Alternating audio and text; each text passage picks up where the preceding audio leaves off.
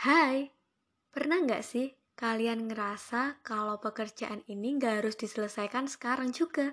Alhasil kalian milih rebahan dulu, nonton TV dulu, atau main HP dulu. Ya, ya, ya. Masalah itu sering terjadi di kehidupan mahasiswa.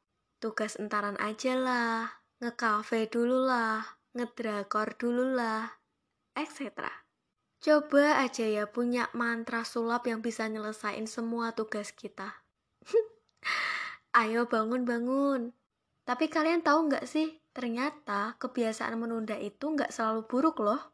Ah, Depi mah, pasti tahu lah, Dep. Iya, iya, iya.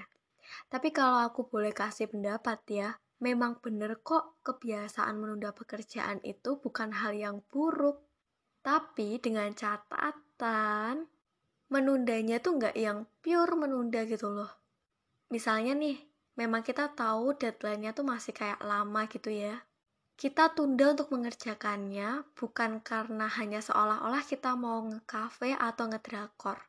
Tapi di fase-fase di mana kita akan menunda pekerjaan itu, kita juga udah mikir kira-kira jam berapa nanti mulai kolek ide. Terus memperhitungkan juga berapa lama waktu yang diperlukan untuk menyelesaikan tugas itu. Jadi kita nggak kayak terburu-buru atau hasilnya nanti kurang maksimal. Terus lagi, atau bisa juga selama kita menunda itu, kita juga mikirin isian dari tugas kita. Misalnya nih, ada tugas untuk membuat review kita udah tahu topik apa yang bakal diangkat, kita juga udah tahu ketentuan apa atau umum atau khususnya seperti apa, jadi kita bakal nyelesain tugas itu dengan baik.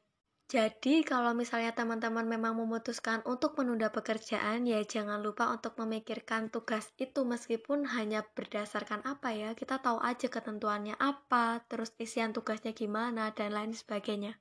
Oke deh, itu aja dari aku. Mohon maaf apabila ada kesalahan. See you next time.